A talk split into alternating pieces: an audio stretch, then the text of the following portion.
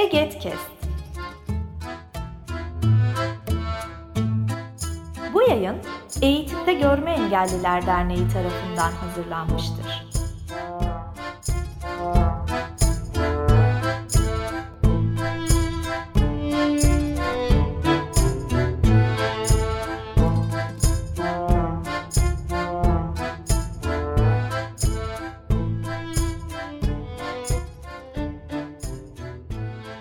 Merhabalar değerli Getkest dinleyicileri ve aboneleri. Yeni bir seriye başlıyoruz. Çözüm zamanından herkese merhabalar demek istiyorum. Tabii ki sevgili dostum Bayram'la, Bayram Şahin Aydın'la. Merhaba Bayram. Merhabalar. Öncelikle e, dinleyicilerinize çok zevkli bir program diliyorum. Evet. E, aslında bizi eskiden beri uzun zamandır takip eden arkadaşlarımız, Eget Radyo döneminden bilen arkadaşlarımız belki hatırlarlar Çözüm Meydanı programını yürütüyorduk. Sevgili Turgay da vardı o zaman. Değil mi Bayram? Evet. E, Turgay, e, sen ve ben Bayram Şahin Aydın olarak üçümüz birlikte yürütüyorduk. Şu anda bu yayını ikimiz gerçekleştireceğiz. Evet. E, ilerleyen zamanda da hem bugün de aynı şekilde çok farklı konularımız olacak. Engellilik e, camiasını yakından ilgilendiren. E, bizim amacımız ismimizden de anlaşılacağı gibi, programımızın isminden de anlaşılacağı gibi e, çözüm üretmek için beyin fırtınası yapmak. Çünkü çözüm zamanının geldiğini düşünüyoruz. Hatta geldi de bir geçti bile. Biz olmadan çözüm olmaz da diyelim mi o zaman? Programın sloganı olsun ha. Evet evet kesinlikle. Ee, yani artık çöz, çözüm e, açısından bir şey lazım. Bir hareket lazım. E, bu anlamda e, bizim de somut katkı yapmamız lazım. Bunun için bu yayını gerçekleştiriyoruz. Umarım herkes için çok faydalı bir yayın olur. Şimdi eski dönemde e, zaman zaman e, bizler konuğumuz olmadan gündemdeki bir konuyu veya işte bizim e-posta grubumuzda o anda tartışılan konuları tartışıyorduk, e, konuşuyorduk. Zaman zaman da konuklarımız oluyordu. Onlarla e, farklı meseleleri irdeliyorduk. Burada da böyle olacak aslında. Yani biz aslında teknolojiye, çağa bir şekilde programımızı, formatımızı e, uyarlayabiliyoruz değil mi dostum? Kesinlikle. Kesinlikle. O zamanlar tabii radyo programları daha çok revaçtaydı. Şimdi podcastler daha çok revaçta. Ee, biz de değişen zamana kendimizi uyarlıyoruz. Ee, teknolojinin nimetlerinden üst düzeyde fa- faydalanılmasını bilen bir örgütüz zaten. Eğitimde Görme Engelliler Derneği olarak. Ee, bunu da sahada göstermeye çalışıyoruz. E, bunun kurucuları olarak diğer arkadaşlarımıza da örnek olalım değil mi? Kesinlikle, kesinlikle. Derneğin evet. iki kurucu üyesi olarak e, tabii ki örnek olmak lazım yeni nesile artık. Ya öyle. Şimdi geçen sene biz tabii Eget Sesleniyor serisini başlatmıştık. Onun yedincisinde Bayram'la beraber program yapmıştık. Turgay Hoca da vardı o zaman. Ama bu farklı bu sefer beraber organize ediyoruz. Beraber de devam edeceğiz. Bu yönüyle de e, özel buluyorum yani bu programı. Seninle e, yeni başlattığımız bu serinin. Kesinlikle benim için de benim için de çok özel. İki haftada bir yayınlanacak programımız.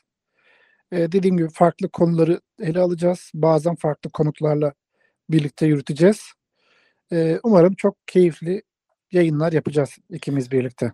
Şimdi biz Bayram'la sosyal medyada da zaman zaman e-posta grubunda da aktif olmaya çalışan kişileriz ve ikimizi birden takip eden arkadaşlarımız bilirler ki zaman zaman biz Bayram'la e, temelde hak temelli yaklaşımı savunsak bile nüans farklılıkları yaşayabiliyoruz bazı konularda fikir ayrılığına e, olabiliyor veya aynı konuda farklı şeyler söyleyebiliyoruz. Farklı üsluplarımız da olabiliyor.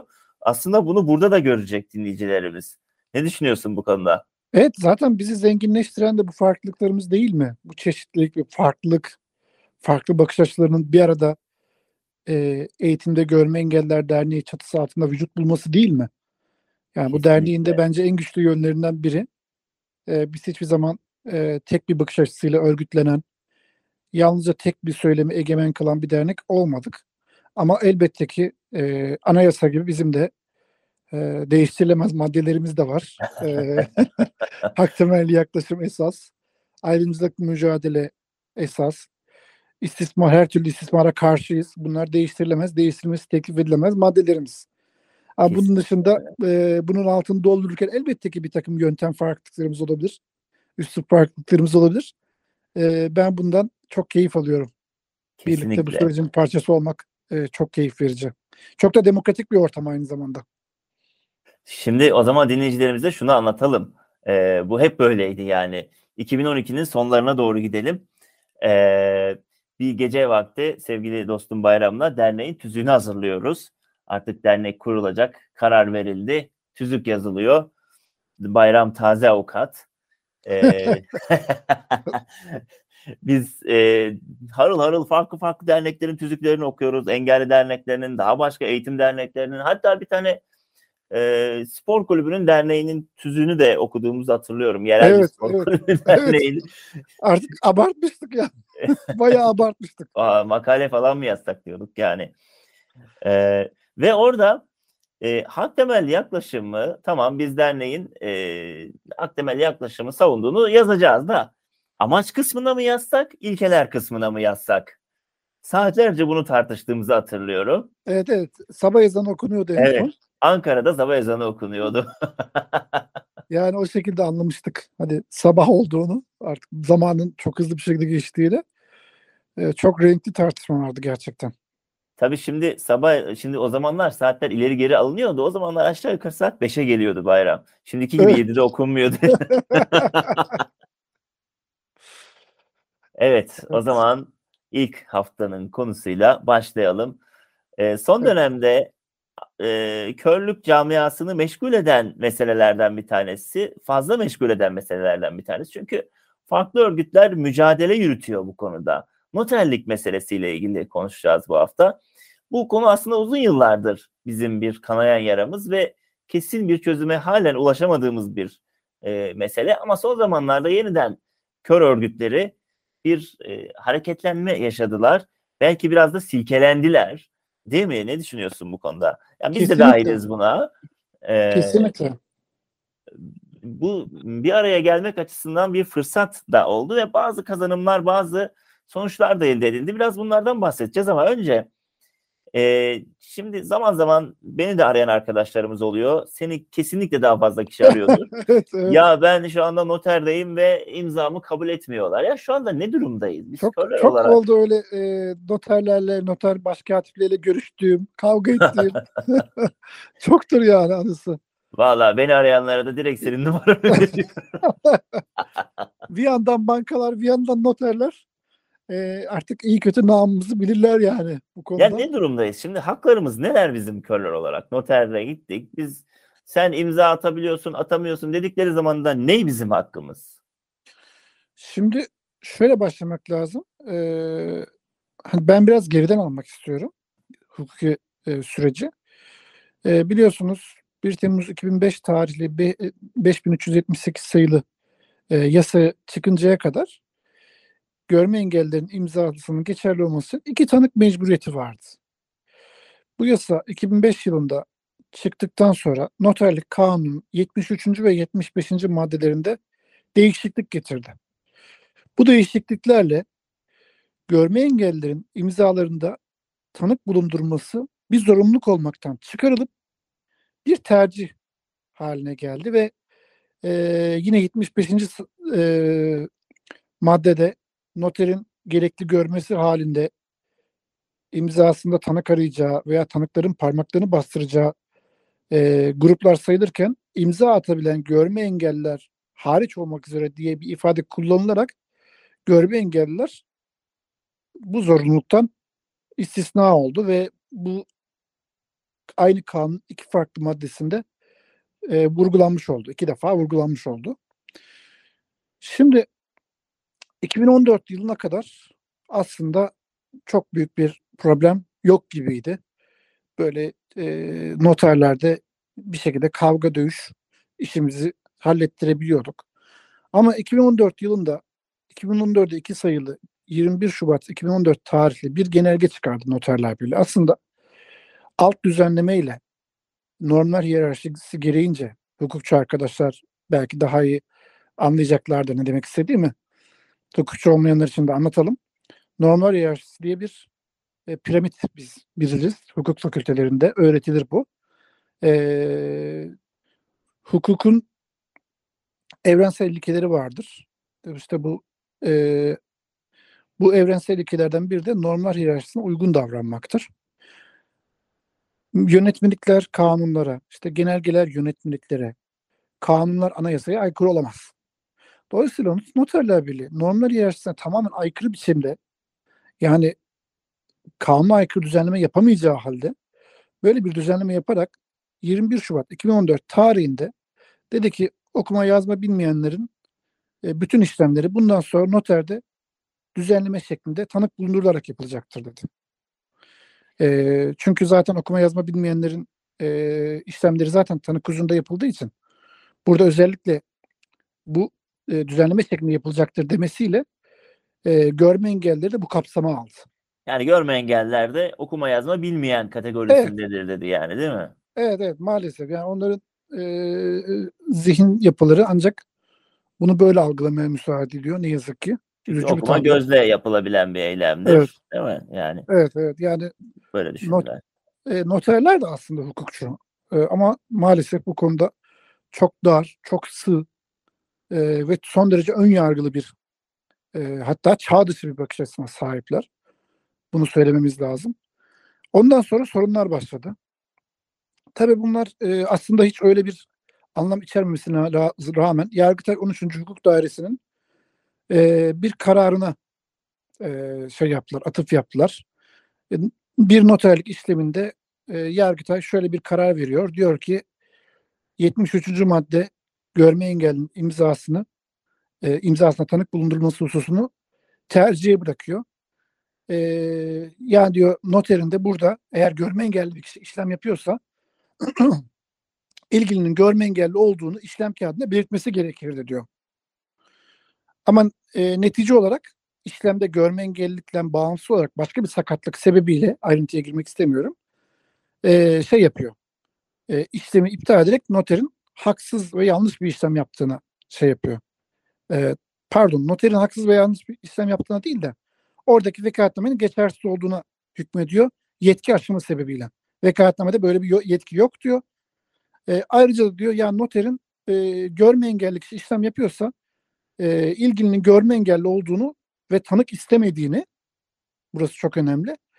E, oraya işlem kağıdına yazması lazımdır diyor. E, zaten biz buna itiraz etmiyoruz. Ama muhtemelen Noterler Birliği bu karardan yani aslında olumsuz bir sonuç doğurmadı kendileri. Aleyhine bir sonuç da doğurmadı. Birçok yargıtayın lehe kararı var. Hatta bütün kararları lehe, bütün kararları noterlik işleminin ilgisinin tercihine bağlı olduğunu açıkça söylüyor. Ee, ancak bundan sonra işte böyle bir düzenleme yaptılar. Ee, sonrasında yıllarca e, engelli örgütleri bununla ilgili mücadeleler verdi.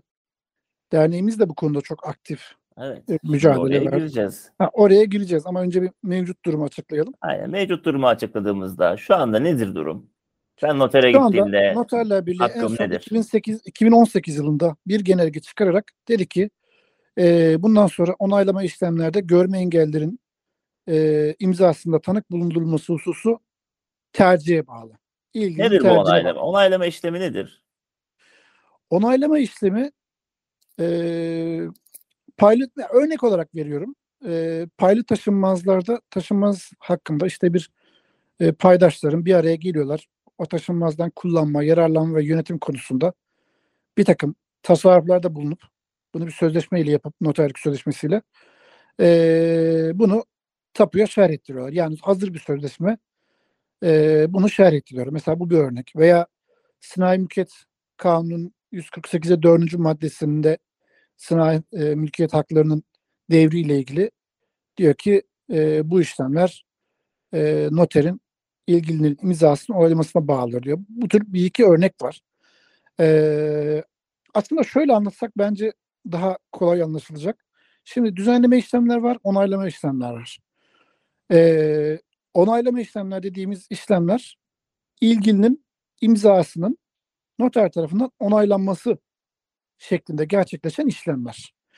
Düzenleme şeklindeki işlemler ise e, hukuken e, belki daha özel önem atfedilen, e, daha sıkı şekil şartlarına tabi kılınan işlemler. Neler bunlar? Tapuda işlem yapılmasını gerektiren sözleşme ve vekaletnameler, vasiyetnameler, e, mülkiyeti muhafaza kaydıyla satış, e, evlat edinme ve tanıma gibi noterlik kanunun 89. maddesinde sayılan işlemler var. Ve bunlarla sınırlı olmamak üzere diyor diğer diğer kanunlarda sayılan sahil işlemler düzenleme şeklinde yapılır diyor. Ben ev ya da araba alacağım mesela. Bunu düzenleyici işlem mi, onaylayıcı işlem mi? Ee, zaten ev almak için gerçi şu an e, şeyde tapuda işlem yapılıyor. Tapu e, ama yeni bir yetki getirildi. Noterlerde de artık alım satım yapılabilecek ev alma işlemi. Mesela düzenleme işlem ama e, taşıt devrine ilişkin işlem e, onaylama işlem.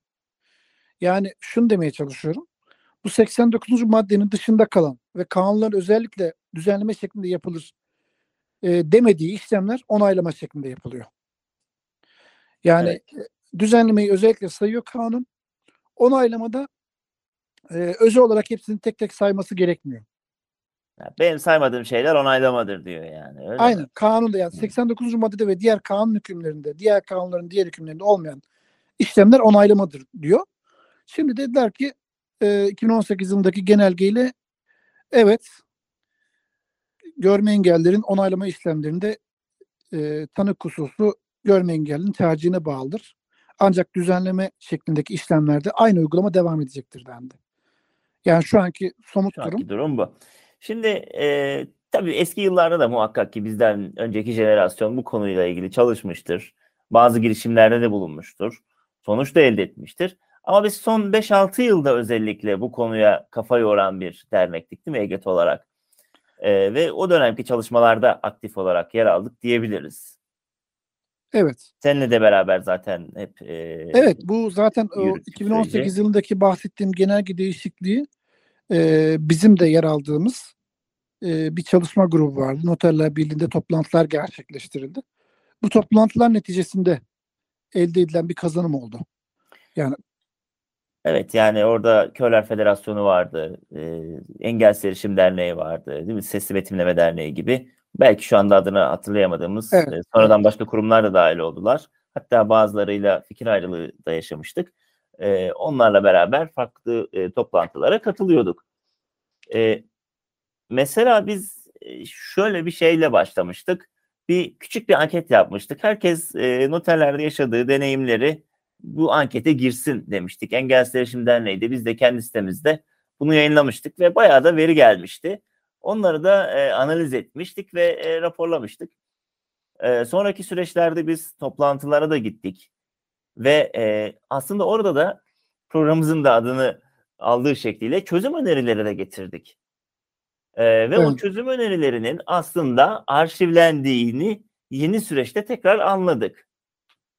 Değil mi? Yani biz 2018 yılında konunun çözümü için Noterler Birliği ile Aile Bakanlığı'yla e, bu gibi kurumlarla görüşmeler yapıldı. Belli bir noktaya da gelindi. Fakat e, çözüm önerileriyle ilgili e, biz sivil toplum örgütleri olarak kendi içimizde fikir ayrılıkları yaşayınca bir yerde evet. süreç tıkandı. Yani eğer biz kendi içimizde birlik olamıyorsak karşı tarafa da gücümüzü hissettiremeyiz ve biz orada biraz kayıp yaşadık işin doğrusu. Ee, evet bizim çözüm önerilerimizde biz e, hukuki bir temelden yola çıktık. E, işte farklı bir takım hmm, hatta bir tane yani sivil toplum örgütü e, hani hukuki temeli olmayan işte video kayıt sistemiyle bütün işlemlerin kaydedilmesi şeklinde bir çözüm önerisi gündeme getirdi. Ve bu da süreci tıkadı. Yani bir kere zaten e, pratikte e, hiçbir noter ya da noterler birliği ya da devlet bütün noterlere işte video kameralı sesli işte görüntülü sistem kurup da görme engellerin bütün işlemlerini kayıt altına alacağı bir sistem kurmaz. Kurmaya yanaşmaz. Bunun maliyeti çok daha devasa. İkincisi ve bence en sıkıntı verici husus da şu. e, işte görüntü ve ses kaydıyla görme engellerin işlemleri kaydedilsin dediğimiz zaman biz aslında Noterler Birliği'nin dediği noktaya gelmiş oluruz. Yani biz evet okuma yazma bilmiyoruz. İmza da atamıyoruz. Hukuken e, yani sadece biz sesimizi kaydettirerek işlem yapabiliriz. Bizim attığımız imzanın hiçbir geçerli yok e, şeklinde bir itirafta da bulunmuş oluruz ama bu e, tabii ki yanlış ve e, yanıltıcı bir itiraf olur. Öyle bir şey yok yani. Bizim e, özellikle 2018 yılında e, Engin Yılmaz'la beraber hazırladığımız bir senaryo vardı. Ondan çok kısaca bahsetmek isterim. E, iki farklı senaryoydu. Bu birincisi web üzerinden veya mobil uygulama üzerinden bir e, senaryo. Bir diğeri de sesli telefon üzerinden yapılabilecek bir e, senaryoydu. E, biz bu mobil uygulama üzerinden senaryoda e, kişinin e, belgeyi sayfa sayfa, satır satır okuyabileceğini, her sayfayı okudum, onayladım gibi cümlelerle veya para atabileceği şekilde e, eklentiler e, getirilebileceğini ve günün sonunda da e, noterin huzurunda bu işlemi yaptığı için e, evrakta da gönül rahatlığıyla imza atabileceğini söylemiştik. Çok özet haliyle böyleydi mobil uygulama senaryomuz. O zaman tabii biz daha e, sesli senaryoyu da hazırlarken şöyle bir şey geleceğini biliyorduk. Geldi de e kardeşim siz işte gençsiniz. Sadece kendinizi düşünüyorsunuz. E bunu kullanamayan binlerce kör var. Sevgili Bayram, ben farklı e, vesilelerle e, farklı kesimlerde yaşayan, farklı hayat e, şartlarında bulunan körlerle bir araya geldim. Gerçekten. E, ilkokul mezunu körlerle de çalıştım. Belli bir yaşın üzerinde körlerle de çalıştım.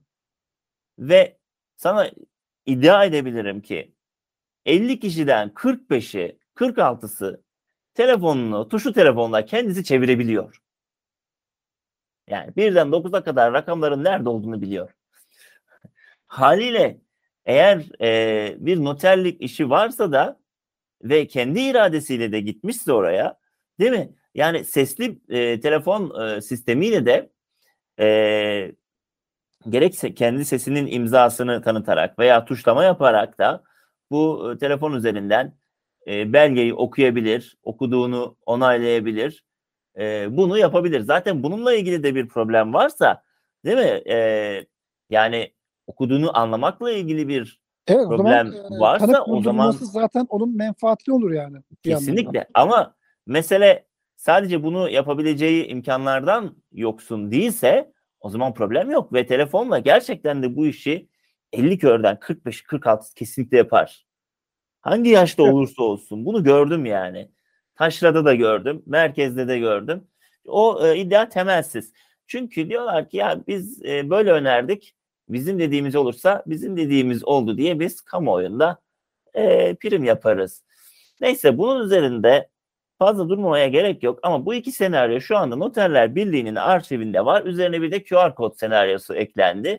QR kod aracılığıyla da belgelerin okunabileceği senaryosu geldi. Bu da biliyorsun son yıllarda özellikle QR kod daha da yaygınlaşmaya başladı. Bu da e, uygulanabilecek bir şey. İş ki Noterler Birliği bunu uygulama iradesi göstersin. Şimdi şimdi bu yıla geri döndüğümüzde e, yeniden bir hareketlenme oldu ve gerek Noterler Birliği'nde gerekse de Adalet Bakanlığı'nda bazı görüşmeler yapılmaya başlandı ve Görme Özürlü Hukukçular Derneği değil mi? Evrensel Görme Engelli Hukukçular Görme Engelli Derneği. Evrensel Hukukçular Derneği evet. evet. Bu dernek öncülük yaptı aslında bu görüşmelere. Burada da adlarını anmak e, lazımdır. E, onlar öncülük yaptı. Biz de e, bu sürece dahil olduk. E, yine e, bayram hukuki anlamda ben ve Oğuzhan da teknik a, e, senaryoların ifade edilmesi anlamlarında görüşmelere aktif olarak katılım sağladık. Evet. Ve 10 Mayıs'ta da örgütler olarak bir eylem kararı da alındı. Noterler Birliği e, uzlaşmaz bir tavır içerisinde olunca hem de tam da bu arada kısaca ondan da bahsedelim. Bu eylem kararını aldığımız esnada avukat e, Müjgan Bilgen Özen'in Türkiye İnsan Hakları ve Eşitlik Kurumu e, aracılığıyla çıkartmış olduğu bir karar vardı. Kamuoyuna da yer aldı. Yani bu karardan çok kısaca bahsetmek gerekirse. Ee, İzmir'deki bir noter e, görme engelli olan Müjgan Bilgen Özen'in işlemini yapmadığı için, düzenleme şeklinde bir işlemini yapmadığı için e, işte Müjgan Hanım olayı tutanağa bağlayıp Türkiye İnsan Hakları Eşitlik Kurumu'na başvuruyor. İnsan Hakları Eşitlik Kurumu da e, o noter aleyhine ve birlik aleyhine 40 bin lira idari para cezası uygulanmasına karar veriyor. Çünkü idari bir otorite, idari bir kurum bu tür para cezaları kesmeye yetkili. Eğer temel insan haklarına aykırılık varsa. Çünkü burada e, yani görme engellilerin e, rencide edildiği temel insan hak ve hürriyetlerine aykırı bir uygulama olarak görüyor tanık dayatmasını, dayatmasını ve doğru da bir karar veriyor. Eylemden biraz zaman sonra ve bence eylemden muhtemelen bağımsız bir şekilde yani evet. alınan bir karar bu.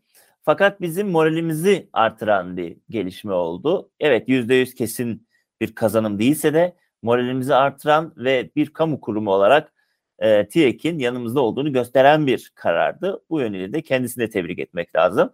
Evet. E, fakat biz sonrasını getiremedik sevgili Bayram. Yine e, örgütler olarak şu aşamada biraz durağan haldeyiz ya da herkes kendi başına e, konuyla ilgili e, ilerleme gayreti içerisinde. Biz o birlikteliği gerek 10 Mayıs sürecinde gerek de sonrasında pek sağlayamadık diye düşünüyorum. Sen ne düşünüyorsun bu konuda? Evet çünkü temel prensiplerde bir anlaşma sağlanamıyor. Ee, her örgüt e, yani her ne kadar bir inisiyatif kurulmuş olsa da tek başına hareket ediyor.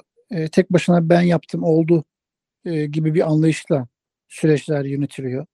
Mesela o 10 Mayıs'taki eyleme sen katılmıştın sevgili Emre. Çok kalabalık, evet. çok coşkulu bir eylem olduğunu biliyorum. Son Ama, yılların en e, kalabalık ve e, motivasyonu yüksek eylemlerinden biriydi. Yani katılımcıların motivasyonu çok yüksekti. Evet. Ama e, eylem gerekirse uzatılacak, oturma eylemiyle devam edilecek, sonuç alınacak kadar oradan ayrılmak yok dendiği halde bir anda oldu bittiye getirilerek tamam biz onlara Ağustos'a kadar süre veriyoruz deyip eylemin bitirilmesi çok vahim bir hataydı bence. E, çünkü o kalabalığı bir daha o şekilde toplamak çok mümkün değil açıkçası. Farklı şehirlerden insanlar yani geldi. İnsanlar e ne oldu şimdi diyerek şimdi ben de şunu söylüyorum. Yani, yani biz niye geldik? Hadi Ağustos yani. kadar süre vermiştik. Eylül, Ekim, Kasım oldu. Ne oldu? Ne yapabiliyoruz? Bu da bizim ciddiyetimizi sorgulatan bir e, tavır oluyor açıkçası. Yani hem Ağustos'a kadar süre veriyoruz deyip eylemi bir anda bitirip kesin sonuç almadan e, hem de sonrasında e, yani e, birlikte çalışma kültürünü yaşatamadan işte e, ben değil biz anlayışını yaş- yaşartamadan e, bir şekilde tek başına bu süreçlerin devam ettirilmesi sonucu ne oluyor? Ağustos'tan sonra da bir ilerleme olmuyor. Yerimizde saymaya devam ediyoruz. 2022'nin başında hedefim birkaç tane aklımda problem vardı ve bu problemlerle ilgili kör örgütlerini belli bir e, müşterekte buluşturabilirsek ilerleyebileceğimizi düşünüyordum açıkçası. Bunlardan hani e, bazılarıyla ilgili seninle konuşmuşuzdur. Bazılarıyla ilgili ilerleyen haftalarda da konuşuruz. Tabii. Ama 2022'nin sonuna yaklaştığımızda e, aşağı yukarı 10 yıldır da şu camianın içinde yer alan birisi olarak şu iddialı tespiti yapmak zorunda hissediyorum kendimi. 2022 Türkiye'sinde kör örgütleri ortak bir noktada buluşmayı beceremez haldedirler. Çünkü e, kendi e, bir tabanları var her birinin ve o tabanlarına karşı kendilerini güçlü göstermek zorunluluğunu hissetmektedirler. Böyle devam ederse de biz en basit konularda bile mesafe almak için çok bekleriz diye düşünüyorum. Kesinlikle katılıyorum sevgili Emre. E, bence şu anda en büyük problemimiz o. E, zaten pandemi süreçleri bu hak arama süreçlerini ciddi şekilde aksattı. Önümüzdeki haftalarda konuşuruz. Evet. E, ama bir de bu kör örgütlerinin e, tek başına veya başına buyruk hareket etmeleri e, ve ortak bir payda da bir araya gelemiyor oluşumuz maalesef e, artık süreci iyice tıkamış durumda ve e, korkarım ki bu haklarımızla ilgili, kazanımlarımızla ilgili son zamanlarda ortaya çıkan geri gidiş artarak devam edecek. Biz eğer birlik olmayı beceremezsek. Tabii evet yani kesinlikle öyle. Yavaş yavaş toparlayacağız zaten. Ve bu toparlama sürecinde e, ilerleyen haftalarda da belki konuşacağız. E, siyasi olarak da belki kazanım elde edebileceğimiz bir mevsim yaklaşıyor. Evet. Bu dönemi iyi değerlendirmek gerekirken biz işte e, buraya yürüyerek mi gitsek, otobüsle mi gitsek, trenle mi gitsek, uçakla mı gitsek onun kavgasını yapıyoruz. E, halbuki gideceğimiz yer belli. Oraya gidecek en kestirme yol da belli. E, onu yapamıyoruz. E, umarım bundan sonrası daha iyi olur diyelim. Evet, e, ilk hafta noterlik konusunu işlemeye e, çalıştık. Bu konuda senin son söyleyeceklerin neler olur Bayram? E, benim söyleyeceğim şey şudur. E, noterlere gittiğinizde görme engelli arkadaşlardan ricam e, işlemin düzenleme mi onaylama mı olduğunu sorun. Çünkü siz bilmeyebilirsiniz. Ama noterliktekiler, katipler veya noterler işlemin e, onaylama olduğunu söylerlerse zaten tanığı kesinlikle kabul etmeyin. Genelgeyi hatırlatın ve işleminizi yapın. İkinci olarak son söyleyeceğim şey de eğer biz bu sürecin düzelmesini ve işlerin yoluna girmesini istiyorsak e, tekrar bir araya gelmeyi başarabilmeli.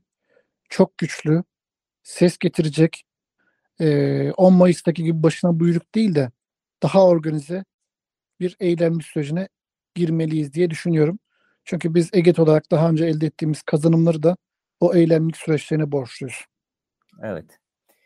Şimdi e, radyo programı yaptığımız zaman Bayram e, mesajlar geliyordu. Birimiz Skype'ı kontrol ediyorduk, birimiz işte Twitter falan kontrol ediyorduk. Şimdi podcast olunca bunu yapamıyoruz. Ben şöyle bir öneri getirsem. Twitter'da çözüm meydanı e, etiketimiz olsa, çözüm e, zamanı çözüm diye. Eskiden kaldı.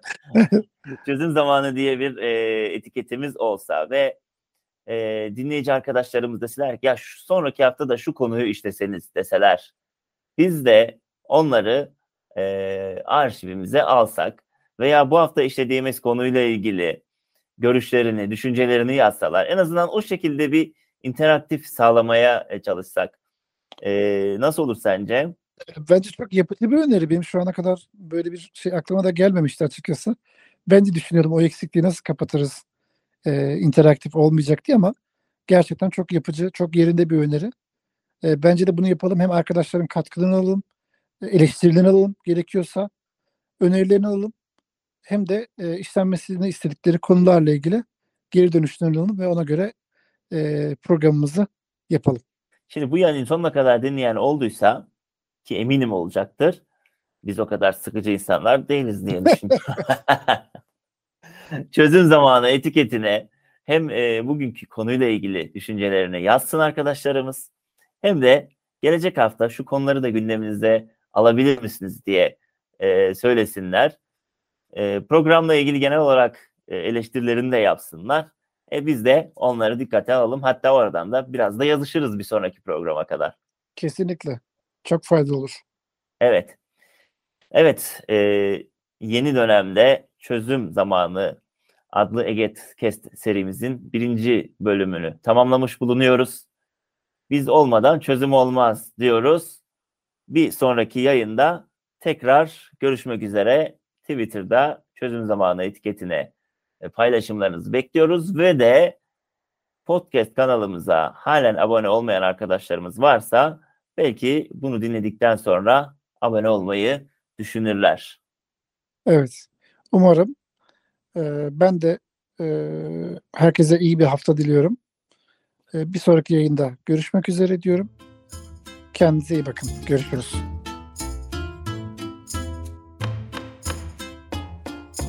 Bu yayın Eğitimde Görme Engelliler Derneği tarafından hazırlanmıştır. Web sitesi eget.org Mail bilgi.eget.org Facebook Eğitimde Görme Engelliler. Twitter et Eget İletisim Instagram Eğitimde Görme Engelliler